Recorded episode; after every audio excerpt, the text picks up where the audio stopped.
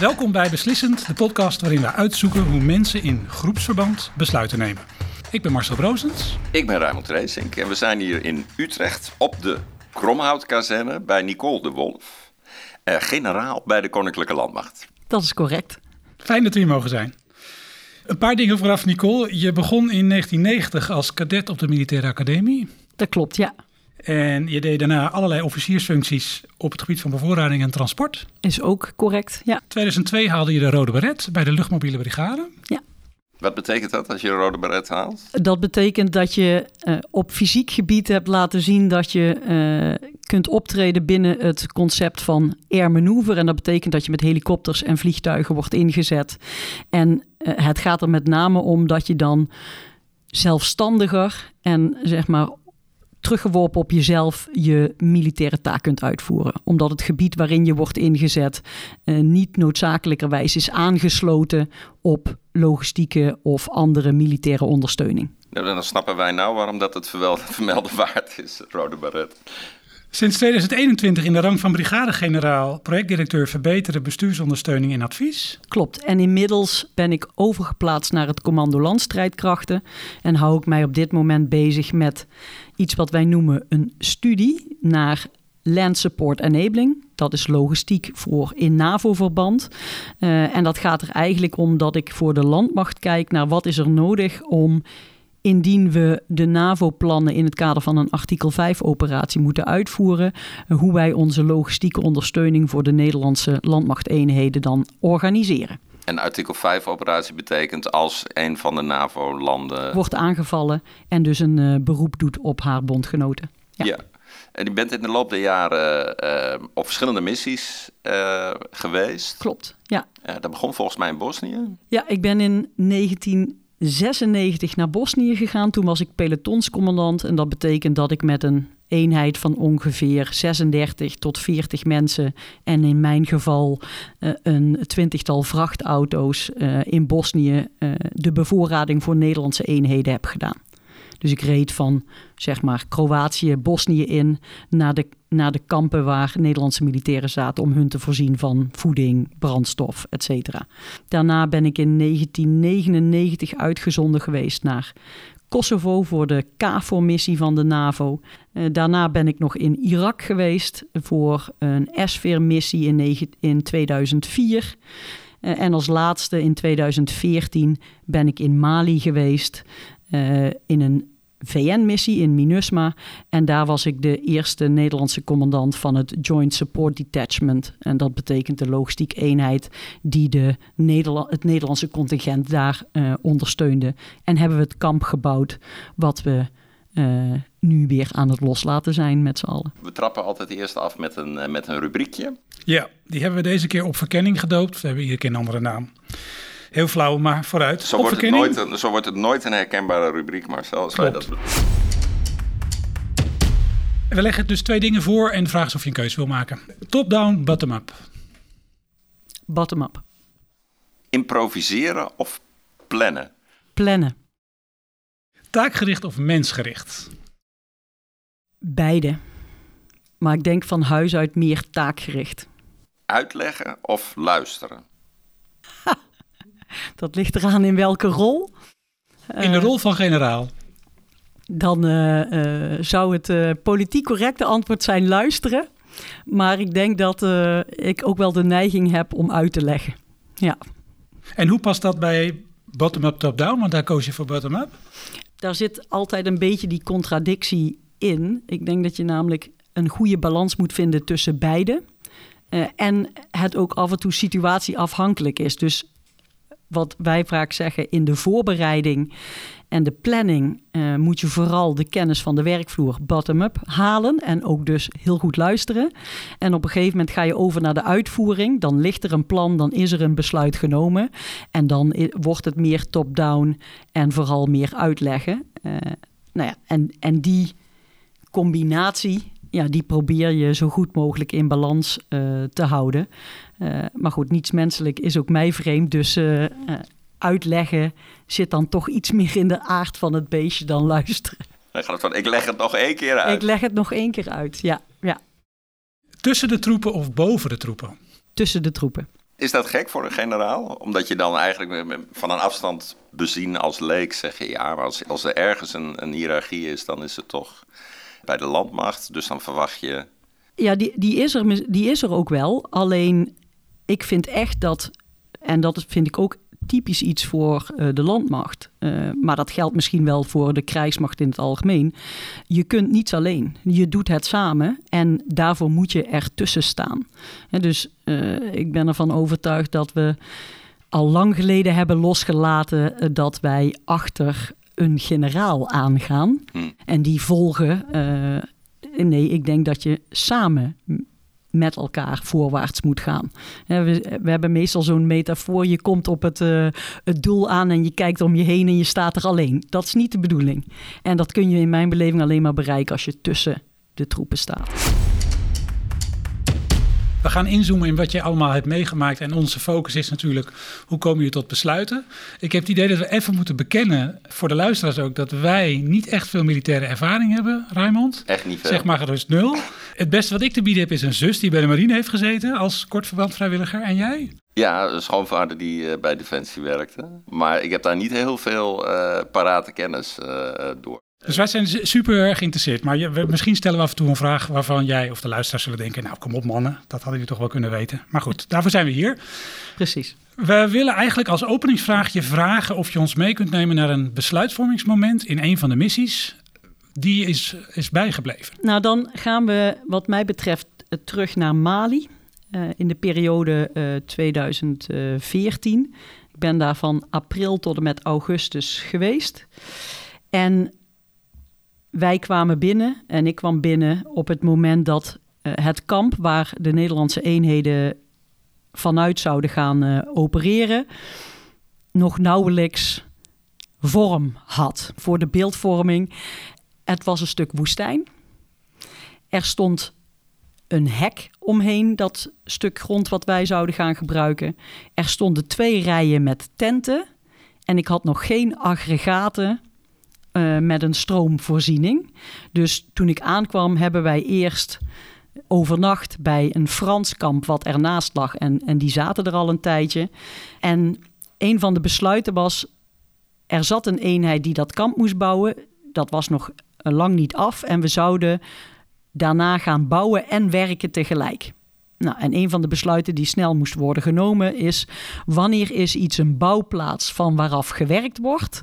En wanneer is iets een werkplaats waar ook bouwwerkzaamheden plaatsvinden? Nou, dat klinkt semantisch, mm -hmm. maar het betekent uh, bijvoorbeeld uh, heel veel voor de prioriteit die de logistiek bijvoorbeeld geeft aan een van de processen. En dan moet je dus voorstellen als dan Special Forces de opdracht kregen om buiten ons kamp hun werk te gaan doen, dat ik daar de logistiek bij leverde. En dat dat kon betekenen dat bijvoorbeeld de bouw van een van onze prefabs waar we in moesten werken of wonen, even werd uitgesteld. Even met hoeveel mensen, hoe, hoe, groot moeten we ons dat voorstellen? Want ik zie nu een woestijn met een, met een hek eromheen en ergens wat, wat tenten van, van de Fransen uh, daarnaast. Nou, we, dan moet je voorstellen, op het Franse kamp sliepen ongeveer 3000 Franse militairen. Oké, okay, dat is meer dan een paar tenten. Dat is meer dan een paar tenten. Op ons kamp uh, uiteindelijk, toen uh, we verhuisd waren, had ik ongeveer 500 uh, militairen op het Nederlandse kamp en nog ongeveer 150 Nederlandse militairen op het Franse kamp. Je, je moest een keuze maken tussen leggen we de prioriteit op het opbouwen of ja. leggen we de prioriteit op de operaties waarvoor je er, er uiteindelijk bent. Ja. Hoe verliep die keuze? Uh, ik heb de eerste maand ongeveer uh, van dat ik er was, uh, hebben wij de bouw ondersteund. En toen ik het commando heb overgenomen, werd mijn werk ondersteund door bouwactiviteiten. Ja, en... Want je was er een maand, maar toen had je nog niet het commando. Nee, dat klopt. Hoe zit dat? Laat ik zo zeggen. Eén, je moet iets hebben waarover je commando uh, moet kunnen voeren. En Patent dat, is, hè? dat, is dat, dat, was er, dat, die waren er nog niet. En je wil dus op het moment dat je het commando overneemt, uh, daar ook wat mee kunnen doen. En daarnaast hadden we toezeggingen gedaan aan de Verenigde Naties vanaf welk moment wij in staat zouden kunnen zijn om een deel opdracht al uit te voeren. Ik begrijp het, denk ik. Je bent daar natuurlijk al een poosje om je operatie op te bouwen. Ja. Maar op het moment dat je zegt wij zijn operationeel, dan gaan ook de partners dingen van je verwachten. Hè? Ja. Je gaat vol meedraaien in die. Ja. eh, was het een vredesmacht, zeg ik dat Eh, goed? ja, vredesmissie. En dan heb je termen die wij noemen eh, initial operational capable. Dat betekent dat je nog niet helemaal operationeel bent, maar wel dingen kunt gaan doen. En je hebt fully operational capable. En dan moet je eigenlijk alles kunnen doen wat je aan de voorkant hebt toegezegd.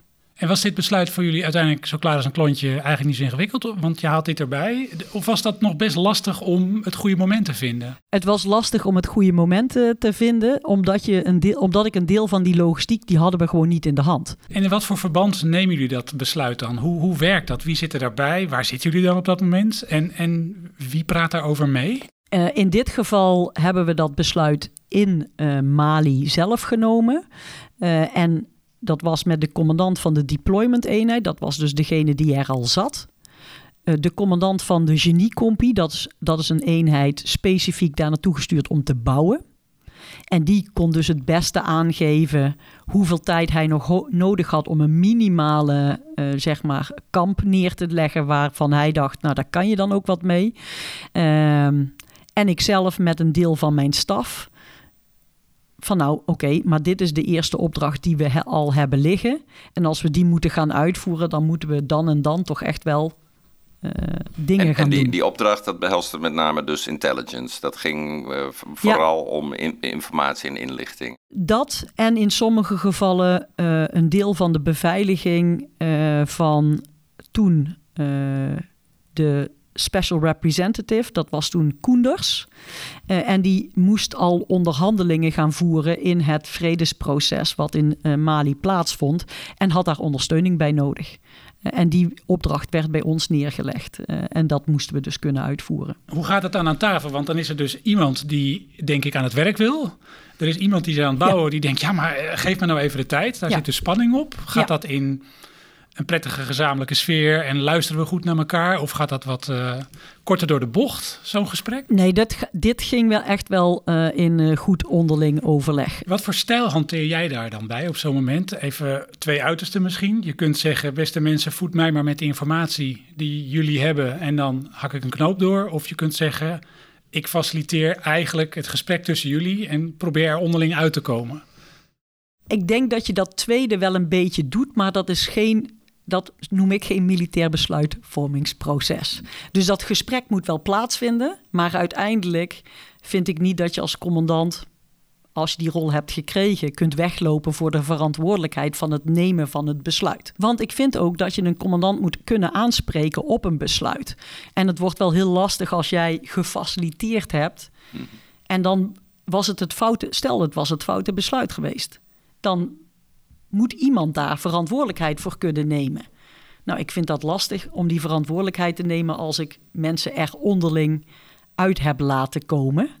En dat is voor hun denk ik ook lastig. Dus dat gesprek vindt plaats in je planning en in de weg naar een besluit toe. Maar uiteindelijk ja, ben ik dan wel zo militair dat, opgevoed dat ik denk, nou, ik ben aan de paal gezet voor het nemen van het besluit. Dat neem ik ook en dat is dan ook mijn besluit. En kunnen die mensen met wie je dat besluit hebt genomen, Ja. daar uiteindelijk dan ook vrede mee hebben, laat ik het zo maar noemen? Want je kan zeggen, ja, maar die ene vond toch eigenlijk dat er veel meer aandacht voor het bouwen moest blijven. Dat kan dooremmeren. Ja, en nee, dat, dat, kan heel terugkomen. Of is het dan bij jullie zo, oké, als het hier goed over gehad hebben en ik hak een knoop door, Ja. dan gaan we voorwaarts en voegt iedereen zich naar de koers. Ja, ja, en op het moment, en dat is denk ik waar het vooral vaak op gaat, in de periode daarna komen er momenten dat misschien iemand terugkomt en zegt van oké, ik snap je besluit, maar nu om deze en deze redenen zou de komende vlucht uit Nederland met spullen toch echt de prioriteit weer even op bouwmateriaal eh, moeten liggen, omdat ik dit en dit moet gaan doen en anders gaat dat niet lukken. Nou, als, als zij de overtuiging hebben dat die ruimte er is, dan kan je ook prima met zo'n besluit leven. Ja.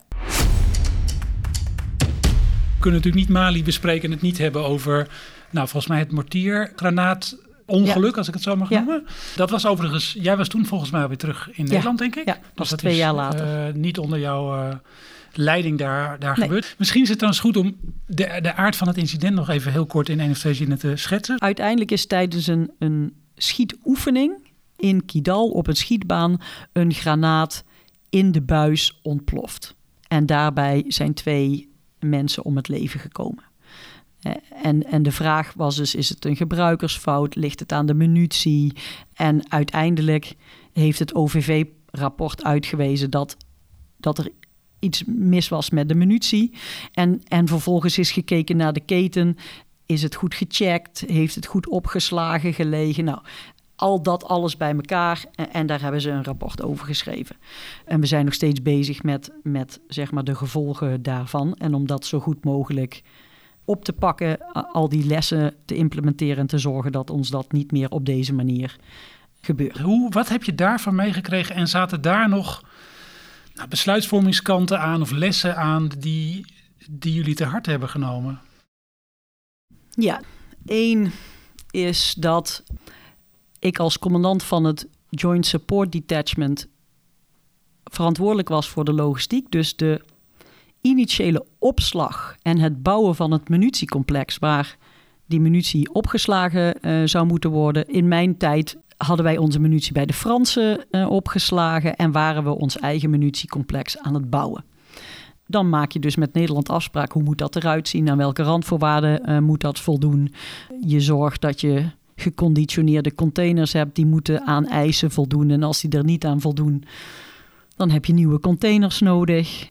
En dat is een paar keer voorgekomen. Dus ik heb mij toen het ongeval is gebeurd en het OVV-rapport daarover is uitgekomen, wel dat rapport gelezen met het idee: oké, had ik in 2014 toen we bouwden, hebben we de juiste randvoorwaarden neergezet eh, op basis waarvan dit wel of niet had kunnen gebeuren? Of, uh, nou ja, wat doe je daarmee? Dus ik denk dat we binnen onze mogelijkheden alles hebben gedaan om dat goed te doen.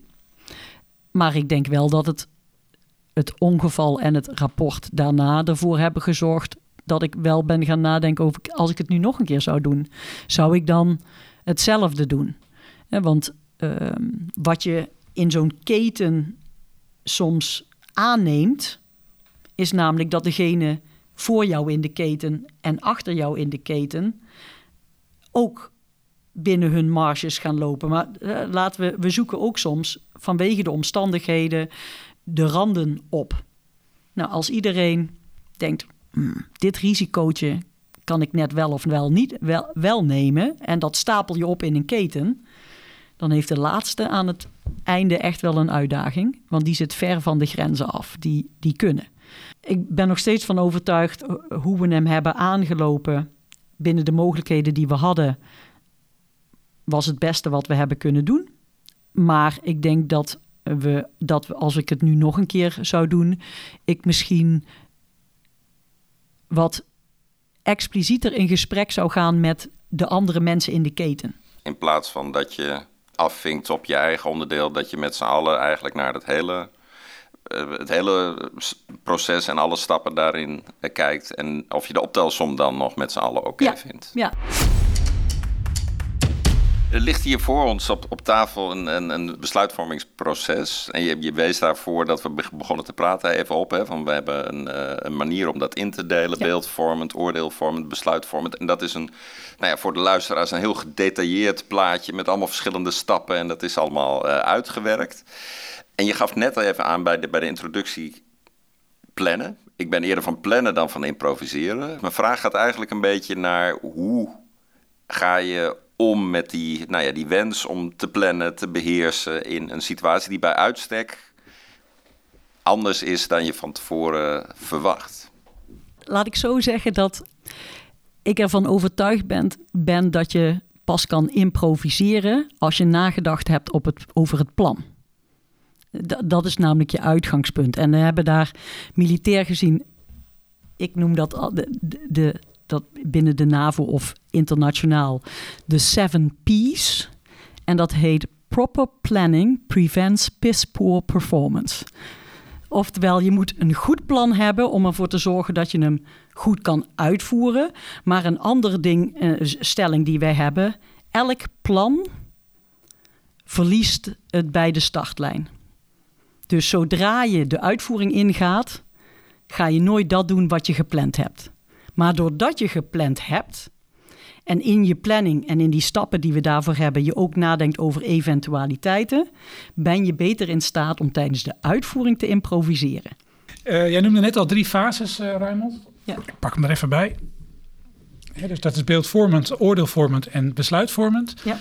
Kun je iets vertellen over uh, waarom jullie dit gemaakt hebben, hoe dat precies werkt? En gebruik je dit voor alle type besluiten of is het voor een bepaald soort besluiten? Dit is uh, wat we noemen het tactische besluitvormingsmodel. Dat betekent dat we dat echt voor de uitvoering van opdrachten gebruiken. Maar betekent dat, ook, sorry, dat er een strategisch uitvoerings, uh, besluitvormingsmodel is? Uh, ja, de NAVO kent een operational planning process uh, en daar maakt dit, daar sluit dit op aan. Dus je kan dan een bevel krijgen en dan ga jij met je tactische okay. modelletje aan de slag. Ja. Grotendeels drie grote blokken, beeldvormend, oordeelvormend, besluitvormend, waarbij je in de beeldvormende fase vooral de analyse van de opdracht, wat, wat ga ik daar eigenlijk doen, wat is, wat is de oorzaak, waarom moet ik hier naartoe, wat is mijn rol, uh, welke factoren van invloed spelen op mijn opdracht, en dat kan zijn de omgeving, dat kan zijn andere partijen, dus dat probeer je allemaal vast te leggen. Dat is dus nog vrij van oordeel. Dat is eigenlijk het verzamelen van feiten. Dan wel, en dat gebeurt vervolgens oordeelvormend, dan ga je, oké, als dit de omgeving is, dit zijn alle partijen die een rol spelen, dit zijn de factoren van invloed. Hoe kan ik dan het beste invulling gaan geven aan mijn rol en de opdracht die ik heb gekregen? En dan kom je erachter dat je niet alle feiten hebt. Nou, dan doe je daar een aanname op. En wat we bepalen, of wat, een, wat je voorlegt aan een commandant, is welke factoren zijn kritisch voor jouw besluit. Die, daarvan vinden wij dat je die, voordat het besluit genomen wordt, moet hebben geverifieerd. Dus je moet weten of die aanname juist is die je daarop hebt gedaan, of je hebt het feit. Want dan kan pas uh, een commandant een goed besluit nemen. Nou zijn er altijd situaties te verzinnen waarbij je niet precies die, die, die feiten uh, boven tafel krijgt. En dan geven we in het plan duidelijk aan: dit is een aanname. En ook tijdens de uitvoering kan er dan nog steeds een soort uh, beslispunt zijn waarbij je zegt: oké, als mijn aanname juist blijkt te zijn, dan gaan we linksaf. En als mijn aanname onjuist blijkt te zijn, dan moeten we dus rechtsaf. En daar heb je dus ook plannen voor. Dit model, is dat voor besluiten op het gebied van bevoorrading en logistiek, waar we het tot nu toe over gehad hebben? Nee. Of geldt dit ook voor militaire dit opdrachten, zijn gevechtsopdrachten? Of? Juist gevechtsopdrachten. Ik ben zelf bij de luchtmobiele brigade hoofdplanning geweest. Open, hè, dus tactische planning. Dus wat, hoe gaan we vechten met die brigade? En dan gebruik datzelfde schema. Ja. En dat besluitvormende moment, is dat dan aan de commandant of aan de leidinggevende op dat moment? Dus dat, dat beeldvormen en ordervormen, dat doe je met een team. En dan geef je een advies of je legt... Ja, in die stappen heb je ook nog een paar momenten waarbij uh, je als planningsgroep of als staf en adviseurs dingen aan jouw commandant voorlegt. En dat noemen we dan, of dat kan heten, een richtinggevende stafbespreking, waarbij we zo'n beslispunt in de planning zien en we graag willen weten van de commandant waar hij of zij haar focus op wil leggen. En dan ga je daar weer mee verder en dan doe je de volgende stappen. En dat doe je eigenlijk één of twee keer in het proces, ook afhankelijk van hoeveel tijd je hebt. Dat is mijn volgende vraag. Hoeveel tijd vraagt dit? Misschien anders gezegd, ik kan me voorstellen dat sommige besluiten, bijvoorbeeld een missie voorbereiden, ook ja. praktisch. Daar heb je even voor. Maar een, een, ja, een militaire actie, die moet misschien binnen no time op touw gezet worden. Dus hoe werkt het dan? Loop je dan al die fases door? In principe loop je altijd al die fases door. Alleen je hebt de tijd die je hebt. Dat betekent, als ik een uur heb, doe ik zes stappen in een uur. Uh, of in nog minder, want wat, we, wat je ook wil, afhankelijk van op welk niveau je dit plan maakt, wil je de mensen die het gaan doen ook nog de tijd geven. Dus wat we, daar hebben we dan ook een soort nou, afspraak over. Dat heet de 1 derde, 2 derde regeling. Dat betekent als ik een uur heb, dan heb ik 20 minuten om een plan te maken. Zodat degene die het moet gaan doen nog 40 minuten heeft om zijn eigen analysetje te doen, spulletjes te pakken, even gechargeerd gezegd, en, en voorwaarts te gaan. Dus je doet dit in de tijd die je gegeven is. En wanneer je klaar moet zijn, ben je klaar. En dat kan dus soms 20 minuten zijn of een kwartier. En soms heb je dagen, weken, maanden misschien om dit allemaal goed te doen. Afhankelijk van waar het over gaat. Wat ik nog wel fascinerend vind om even te benoemen. We hebben ook wel eens ooit vastgesteld. En volgens mij komt het ook uit, uit onderzoek. Dat het oordeelvrij eigenlijk je een beeld vormen van een situatie. Het eens worden over wat er eigenlijk aan de hand is. Nog voordat je daar überhaupt iets over besluit. Dat het heel verstandig is om dat te, te scheiden van het besluitvormen zelf. Ja. En dat doen jullie dus. Ja, ja, we en dat benoem ik even omdat het volgens mij niet overal zo duidelijk uit elkaar wordt gehaald. Ja, en dat is dus ook lastig. Dus in die, in die beeldvormende fase proberen we dat ook heel zuiver feitelijk te benaderen. En pas als het oordeelvormend wordt, dan gaan we daar waarde aan hechten.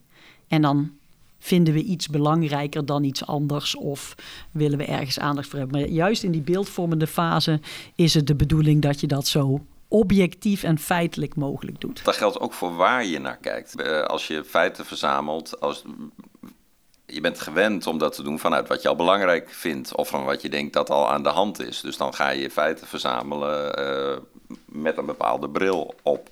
Is, is dat te ondervangen? Dat, dat doe je in principe door in dat planningsteam mensen te hebben die zich richten op een onderdeel. En, en doordat je je richt op een onderdeel, hoef je je nog niet bezig te houden met wat de consequenties zijn bij de buurman of eh, hmm. bij degene. Hè? Dus ik bijvoorbeeld doe dan, deed dan in het begin vaak de logistieke planning. Dan had ik mijn feiten, wat past er in mijn vrachtwagens? Uh, hoeveel munitie heeft deze opdracht nodig? Nou, dat zijn, dat zijn berekeningen. Hè? Dat is, kun je feitelijk vaststellen. Maar welk doel het belangrijkst is en waar die munitie dan naartoe gaat, ja, dat is niet aan mij. Daar vind ik misschien wel wat van. Maar dat verzamel ik niet. Die discussie ga je pas in die oordeelvormende fase aan. En dan brengt iedereen dus zijn eigen expertise mee. Dus de samenstelling van je team en de, ehm, zeg maar de omgeving die je creëert waarbinnen dat team ook oordeelvrij zijn werk kan doen dat is essentieel om te komen tot een goed advies en dus ook vervolgens een goed besluit. Is dit een landmachtaanpak of is het een krijgsmachtaanpak? Met andere woorden, als jullie iets met collega's van de marine of de luchtmacht moeten doen, volg je dan dezelfde dit stappen? Dit is eigenlijk, we hebben allemaal eenzelfde soort proces. En misschien noemen we het even ergens anders, maar nou, de marine kent, kent eenzelfde systeem, de luchtmacht ook. Wij doen allemaal aan planning en in al die planningsprocesjes zie je diezelfde stappen terug. En als je kijkt naar de NAVO, het NAVO-planningsproces, dan zie je die stappen, die drie fases en met name die stappen uh, naar zo'n besluit toe allemaal terugkomen. Je neemt zoveel tijd als je hebt. Ja. Maar dit soort methoden om een plan te maken, die krijgen soms ook als bijeffect dat mensen daar heel blij van worden om plannen uh, te maken en ze heel mooi gedetailleerd in te ja. vullen. Dus hoe voorkom je dat je. Je verliest erin. Ja, dat je, juist omdat je zo'n goede en mooi uitgewerkte methode uh, hebt, dat je daar je tijd in gaat stoppen en je middelen en je mensen. Nou, daarom hebben we in bijna alle gevallen iemand aangewezen die verantwoordelijk is voor het proces en niet van de inhoud is. Mm -hmm. En die doet aan time, time management. Dus die houdt de tijd in de gaten. Oké, voor die stap, want dat verdeel je eigenlijk wel zo. Pakken we dus zoveel tijd, voor die stap zoveel tijd. En het enige wat je dan doet als hoofdplanner is met de zweep rondgaan en zorgen dat iedereen op de tijd dat ze een product moeten leveren, dat product ook leveren. En ze dus ook vertelt, let op, ik moet wel een compleet product hebben. Eh, dus of hier heb ik diepgang nodig en mag je dit uh, iets laten liggen. En dat betekent dus dat je aan de voorkant ook al wel een beetje grenzen stelt dan. Door met elkaar uh, niet alleen iemand verantwoordelijk te maken aan het eind voor het besluit, maar ook iemand die uh, verantwoordelijk is voor het, voor het proces. Ja, en die procesverantwoordelijk en die overlegt dat samen met de commandant. Is zo'n commandant heeft meer te doen dan alleen maar te wachten totdat wij met een plan komen en, en hem vragen om een besluit. Dus zijn agenda moet gemanaged worden. En als de commandant tijd vrijmaakt om te luisteren naar wat je hem voorlegt in de planning, dan moet je hem ook wat kunnen voorleggen. Dus uh, zo, zo zorg je wel ervoor dat die tijdbalk scherp gehaald wordt. Ik schets een beeld van mensen die het leuk vinden om plannen te maken. Is dat ook want ik kan me voorstellen dat er juist een omgekeerde cultuur ook kan heersen, waarin je zegt, ja, die plannen, laten we alsjeblieft gaan doen. Is het een of het ander typerend voor, uh, voor de krijgsmacht of voor de landmacht? Nee, ik denk dat we beide typen in onze organisatie hebben zitten. En dat ook in balans moet zijn, in die zin dat je wil ook mensen hebben die gewoon dingen doen. Bij ons is ook vaak in de, in de militaire context is het tijdstip heel belangrijk. Je wil soms de vijand voor zijn of verrassend zijn. Ja, als je naar uh, wacht op uh, versie 200 van het plan. nu hebben we echt een goed nu plan. Nu hebben we echt een goed plan. Dan staat hij waarschijnlijk al voor je deur. En is, uh, is jouw mogelijkheid om dat te doen wat je wil doen om te winnen, is voorbij. Dus hè, je kan ook niet zeggen: als ik al deze stapjes heb gedaan, dan win ik zo werkt het niet. Dus je moet ook ruimte in je plan hebben. Dat noemen we dan uh, de maneuverist approach. Maar je, je legt neer wat je uiteindelijke effect is. Je maakt een plan hoe je denkt met al die middelen die op jouw niveau ter beschikking staan, je dat plan dat het beste tot dat effect kunt komen. Maar je gaat er wel vanuit dat als uiteindelijk uitvoerders de startlijn over zijn en er gaat iets mis, want dat gebeurt ook altijd, dat die mensen in staat zijn op basis van het plan wat je met ze hebt gedeeld, maar met name het beeld wat je hebt geschetst van het doel wat we moeten bereiken met z'n allen, dusdanig goed tussen de oren zit dat op basis van dat te bereiken effect of dat te bereiken doel, mensen dan een alternatieve weg vinden die niet gepland was. We stuiten nou eigenlijk precies op een vraag die ik wilde stellen, maar even misschien eentje ervoor. Ja. Want we zitten nu hier in, uh, op de Kromhuitkazerne, we zitten aan de tafel, er ligt papier voor ons. Dus ik kan me dit uitwerken van die stappen in zo'n soort, nou bijna een kantoorachtig context helemaal goed voorstellen. Maar je zei, ja, in de praktijk of in het veld, laat ik het zo noemen, doen we het ook zo. Ja. dus stel je hebt een eenheid van, eh, ik weet niet, tien mensen, ik, ik zeg maar iets. Die, moeten, die krijgen een operationele opdracht, die moeten iets doen. En ze moeten een plan maken en dat mag een uur kosten. Ja. Dan lopen ze dezelfde stappen door, zei je. Ja. Maar hoe zitten die zitten dan in een tent of uh, dat, ergens dat kan buiten? in een tent of in en die een hebben dus geen voertuig. papieren. Uh, nou, die hoe hebben doen die vaak dat dan? wel papieren. Die hebben wel papieren, oké. En ja. vooral op een kaart. Dus dan ga je, uh, want onze opdrachten zijn, zijn dan toch vaak aan een, een ja, aan een object om een object ergens gekoppeld, iets doen. Ja. Ergens iets doen. Dus dan ga je op basis van de kaart en de, hè, dan doe je de beeldvorming is. hey, oké, okay, zo ziet het gebied eruit. Hier zit een berg, daar zit een, een, een rivier of uh, ja. oh, daar is een dorp. Nou, dit zijn de spullen die we dit, hebben. Dit zijn de spullen die je hebben. Dat weet ook iemand in dat team van die tien mensen. Oké, okay, als we daar naartoe moeten, dit is wat we hebben. Dit is wat we verwachten aan, aan vijand of aan tegenstand of aan, aan problemen onderweg. Nou, dan is dit wat we gaan doen. En dan kan het zijn dat is gewoon met pijlen op de kaart. Daar hebben we ook allemaal tactische tekens voor. En dan kan ik eigenlijk, even gechargeerd gezegd, op een A4'tje een stuk van de kaart mijn eenheden vertellen wat ze moeten doen, wat ze moeten bereiken. Ik kan zelfs met een tactisch teken aangeven wat dat doel is. Hè, bijvoorbeeld neutraliseren van een vijand. Of... En een tactisch teken is een soort gebaar? Waar, een tactisch of, of een... teken, nee, is een tekeningetje op de kaart, maar heb ik dus geen tekst voor nodig. Dat is, okay, uh, ja. uh, uh, nou, en op die manier kun je dat plan ook uitvoeren. En dat doe je dus ook soms gewoon achter in een voertuig. Juist. Met nou, een kaart voor je en dan met over de radio geef je dan verder bevelen. En daarom zeg ik ook, moet je dat plan aan de voorkant, als je tijd hebt, met elkaar gedeeld hebben. Mensen moeten in ieder geval de grotere kaart hebben gezien. -hmm. En weten welke eenheden ongeveer links en rechts naast je van, van je zitten, wat, die, wat dienstopdracht is en hoe jouw rol in dat grotere geheel past. Hier komen we precies op iets wat ik wil vragen. Uh, ik luister af en toe podcasts rondom de Oekraïne-oorlog ja. als leek. En daar wordt gezegd door deskundigen die het denk ik kunnen weten... dat het westerse leger, dat zal dan ook voor het Nederlandse leger misschien wel gelden... misschien wel juist, in staat is om commando's te krijgen... doelen en opdrachten te krijgen, maar tegelijkertijd plannen aan te passen ja. als de situatie daarom vraagt. En er wordt dan gezegd van het Russische leger dat dat veel minder dat kan op het moment dat die iets moeten doen. Ze krijgen ook voorgeschoteld hoe ze het moeten doen. En dat Ja. hoe lukt niet, dan kijken ze weer omhoog naar de commandant. Ja, dat, dat noemen we eh, met de mooie Duitse woorden het verschil tussen beveelstactiek en auftraagstactiek. Ja, En wij hangen de school van de auftraagstactiek aan. Dat betekent dat de opdracht, de eindopdracht, is duidelijk. En dat is wat leidend is voor je plan. Maar iedereen weet wat die eindopdracht is. Dit is het doel wat ik moet behalen. En beveelstactiek betekent ik geef een bevel en je voert het bevel uit. Punt. ja. En als je het bevel hebt uitgevoerd, dan krijg je het volgende bevel. Even, dat is heel gechargeerd, maar dat is een beetje eh, waar het verschil in zit.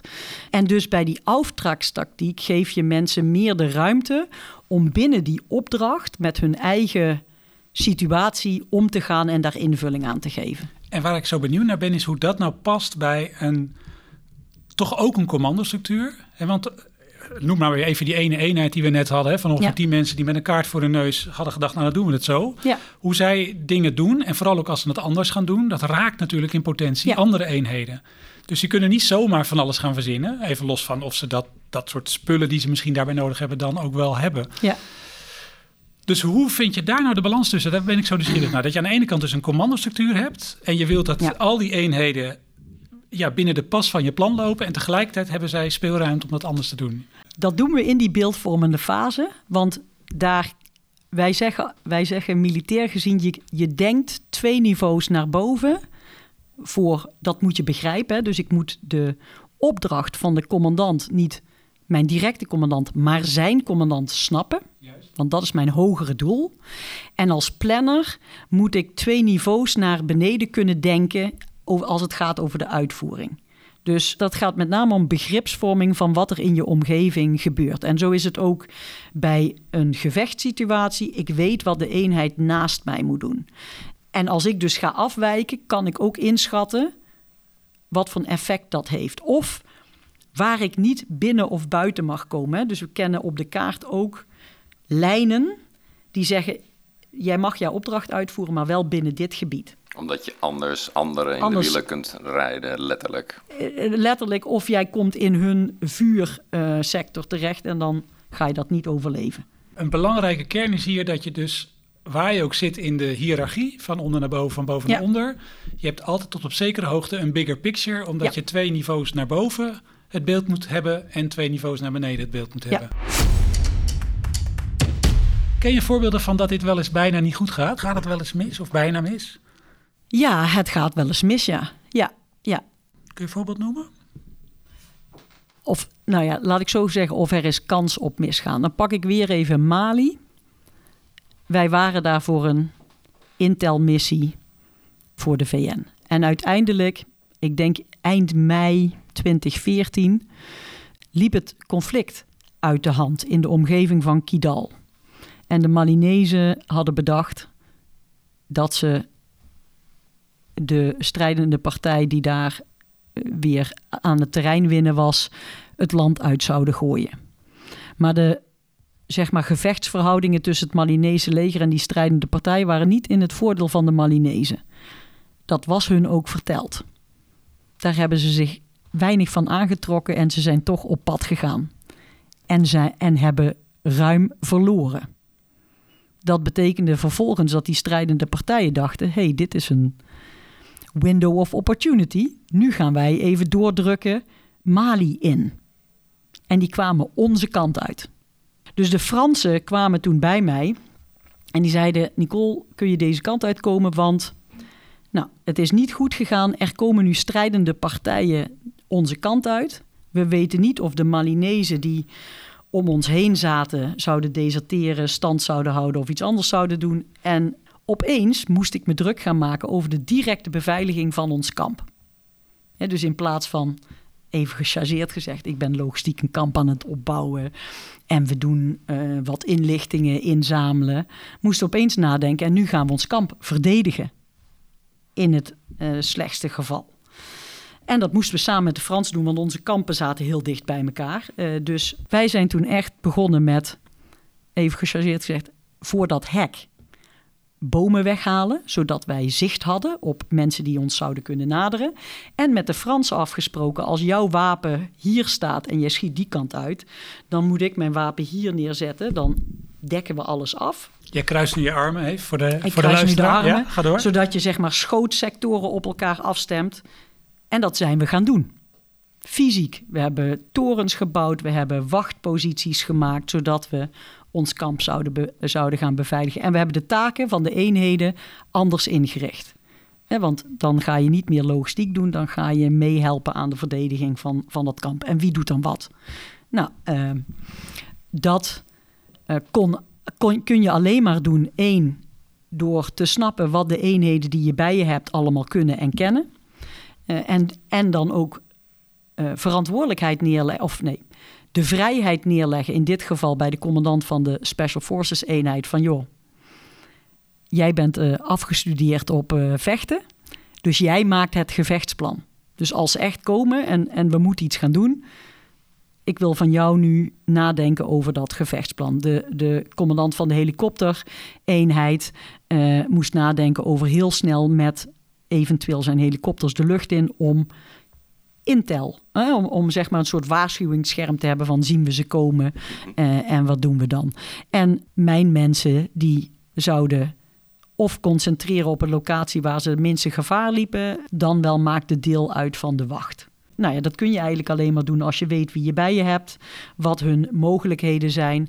En je in dit geval weet wat MINUSMA wil en wat de Fransen ook aan het doen zijn. Hè? Dus die afstemming. En dan moet je afwachten als het bij de uitvoering ook zo gaat lopen. Nou, uiteindelijk zijn we daar gelukkig nooit eh, bij uitgekomen. Uh, maar dat was wel een moment dat ik heel veel heb moeten improviseren. Dat was niet een opdracht uh, die ik van tevoren had meegekregen. En twee, daar had ik ook in sommige gevallen de middelen niet voor. Dus met mijn genist hebben we gekeken van wat de spullen die we hebben, wat kunnen we daar dan ook nog mee. Nou, en hebben we zeecontainers omgebouwd tot wachten, torens, uh, zodat we op hoogte uh, wapens konden inzetten. Nou, dus ja, en die vrijheid krijg je dan ook wel vanuit Nederland. Dat kunnen ze, kunnen ze in Nederland niet plannen. Nee, maar Marcel vroeg van gaat het ook wel eens mis? Maar ja. eigenlijk is dit ook een voorbeeld van waar je door wetend wat je opdracht is en wat je kan, waar dit eigenlijk juist wel goed werkt. Dus de situatie in Mali ging bijna mis. Hè? Maar, de, de maar situatie ging het... mis, maar ook denk ik waar het, waar het in mijn beleving misging, is dat met welk idee we naar Mali zijn gegaan. Mhm. Mm -hmm. En daar was met deze eventualiteit okay. onvoldoende rekening gehouden. Ja. Dus ik had heel weinig mensen en middelen bij me om überhaupt dat kamp fatsoenlijk te kunnen bewaken, verdedigen. Want ja, we gingen aan een VN-missie mee, een vredesmissie meedoen. We zouden niet in een gevechtssituatie terechtkomen. Althans, dat idee was wel initieel bij ons, had dat post gevat. Uh, en zo gingen we die kant uit. Ja. Uh, en vervolgens. Uh, en dat betekent dus dat, dat in, niet zo. in de beeldvorming of in de oordeelvorming, in de besluitvorming, je misschien een spoor had gemist ja. wat zich nu wel aandiende. Ja, absoluut. En vandaar dus dat improviseren. Ja. Je hebt op Radio 1 iets gezegd over het belang van vrouwen in de krijgsmacht en in iets bredere zin over diversiteit en met name de invloed daarop op besluitvorming. Nou vroegen ze daar op Radio 1 niet zo heel erg op door, maar ik ben dus wel heel nieuwsgierig naar waar, wat jij daarover vindt of denkt. Dus op welke manier heb jij het idee of heb je ervaring dat diversiteit, vrouwen, uh, maar mensen met andere achtergronden, hoe dan ook, bijdragen aan betere besluitvorming? Ik zit vooral op de noemer van diversiteit, in welke vorm dan ook. En die is niet uh, gender uh, gedreven, mm -hmm. maar het zeker in zo'n beeldvormende en oordeelvormende fase is het van belang dat je zoveel mogelijk verschillende inzichten hebt. Wij kunnen ook de neiging hebben tot groupthink. Ja, dus dit is militair. Dus het antwoord is natuurlijk dat. Terwijl je dan echt wel af en toe mensen in je team nodig hebt die zeggen: in jouw wereld is dat misschien zo, maar in de mijne ziet het er toch echt anders uit. En dit en dit is wat ik zie. Mm -hmm. En dat maakt in mijn beleving uiteindelijk het besluit multidisciplinairder. Er worden meerdere facetten belicht en het uiteindelijke besluit is daardoor in mijn beleving beter. Dus ik vind het heel belangrijk dat we streven naar zo divers mogelijke teams. Achtergronden, inzichten, omdat dat helpt bij het, nou ja, het, het maken van goede besluiten. En daar worden we allemaal beter van. En daardoor heb je dus ook een omgeving nodig die ruimte geeft aan die diversiteit. En dat is nog wel eens, denk ik, lastig. Want aan de andere kant leven wij ook bij uniformiteit. Ja, jullie zijn op een bepaalde manier natuurlijk ook een soort monocultuur. Dat kan bijna niet anders. En je wil juist ook een diverse cultuur zijn. Ja, ja dus dat is echt wel een, ik wil niet zeggen een struggle, maar dat, dat is wel onze uitdaging. Hoe zorg je ervoor dat één, aan de ene kant mensen voelen dat ze hun inbreng kunnen hebben, maar aan de andere kant als het besluit genomen is, we wel allemaal diezelfde kant uitgaan. En in mijn beleving kan dat alleen maar als je dus aan die besluitvormende kant voldoende ruimte geeft voor input. En dan is iemand ook bereid. Eh, ik ben zelf staffunctionaris geweest. Nou, dan weet je, je geeft de tien adviezen. Nou, en als er twee worden opgevolgd zoals je ze bedoeld hebt, dan mag je echt in je handen knijpen. En bij die andere acht gaat, gaat de commandant een ander besluit nemen. Eh, maar daarna maak ik ook deel uit van de uitvoering. En ga ik dat besluit wel uh, naar eer en geweten uitvoeren. Dus dat blijft uh, lastig. en we zijn allemaal mensen. De ene keer gaat dat beter als de andere keer. Ik vind het soms ook in sommige gevallen echt heel vervelend als mijn gevoel zegt dat er met mijn advies niet zo heel veel is gedaan. Of ik dat niet helemaal terugzie in het besluit. Maar goed, you win some, you lose some. Dus daar. Uh, en daar hebben we dan ook weer een ander procesje voor voor jezelf. En dat heet ons ethisch besluitvormingsmodel. Wanneer kan ik echt niet meer leven met het besluit dat genomen is? En moet ik voor mezelf een ander besluit nemen? Wat, wat doen jullie dan in dat geval? Ook daaraan een besluit moet aan bepaalde criteria uh, voldoen. En ik vind dat we daar nu soms uh, doorslaan voor mijn gevoel.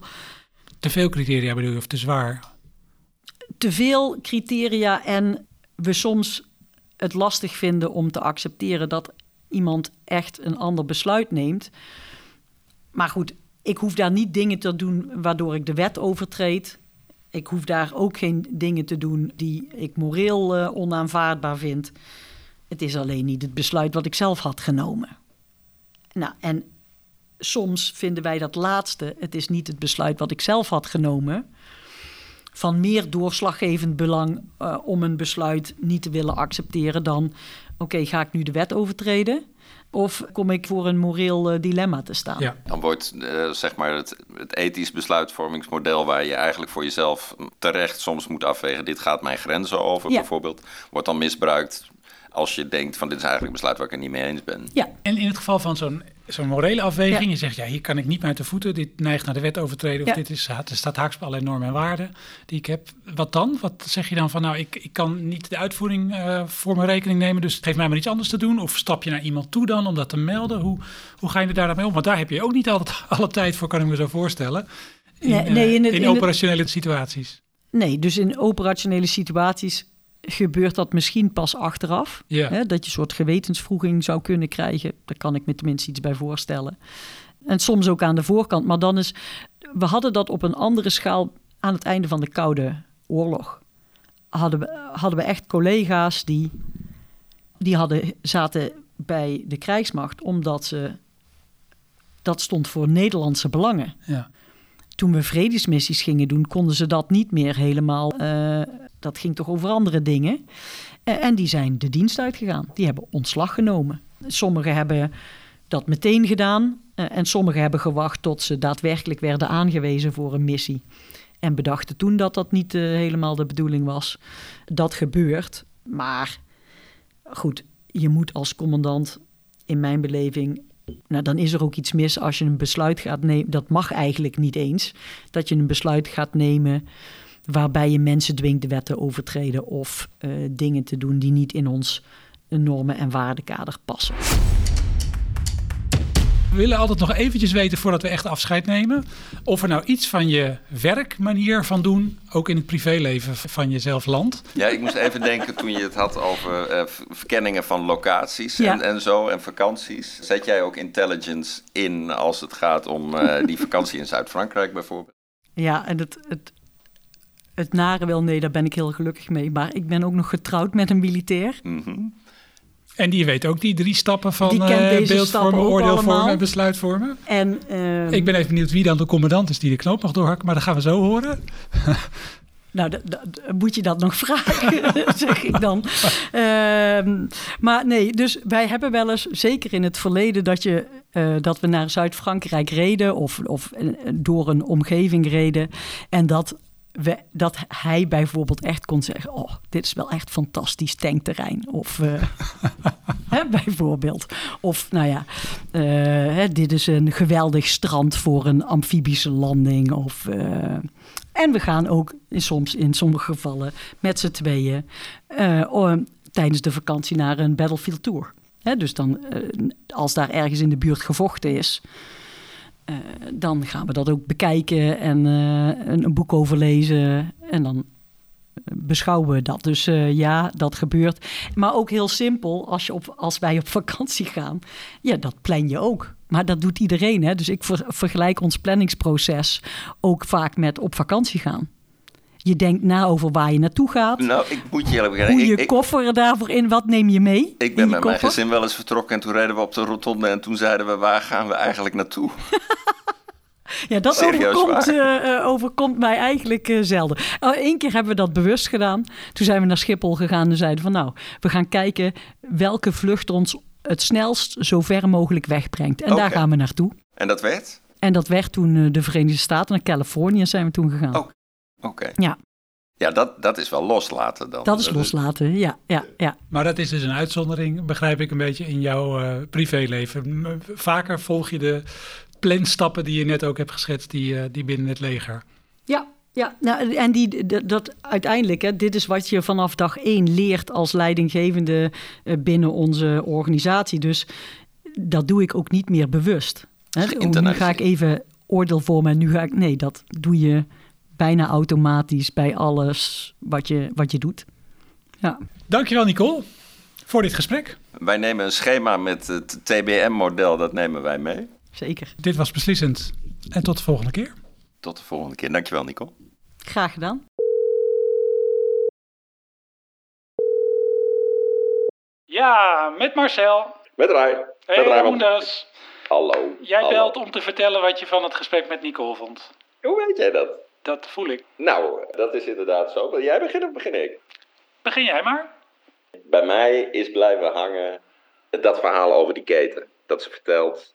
ehm, je kunt als onderdeel in de keten, dat ging dan over Mali, hè, je kunt als onderdeel in de keten een goed, goede beslissingen nemen. En dan zoek je een beetje de randjes op van je, van je besluit. Maar als iedereen in de keten dat doet, dan kan het wel eens zo zijn dat de optelsom niet zo goed uitpakt. En dat je de risico's overschrijdt die je eigenlijk met z'n allen had afgesproken. En dat, ja, volgens mij zit daar een wijze les in voor welke beslissingen je ook neemt. Dat je geneigd bent om op je eigen onderdeeltje te focussen en te weinig kijkt naar wat er nog meer aan de hand is en wat er voor anderen aan de hand kan zijn. Ja, En jij? ik ben er wel van onder de indruk hoe ze dat besluitvormingsproces in een aantal vaste stappen hebben ingedeeld. En of je nou een uur hebt in het veld of drie maanden in Nederland om een missie voor te bereiden, dat ze Ja. die stappen altijd doorlopen en er dus ook altijd mee oefenen eigenlijk. En er in die zin zou je mogen hopen en verwachten ook beter in worden. Ja.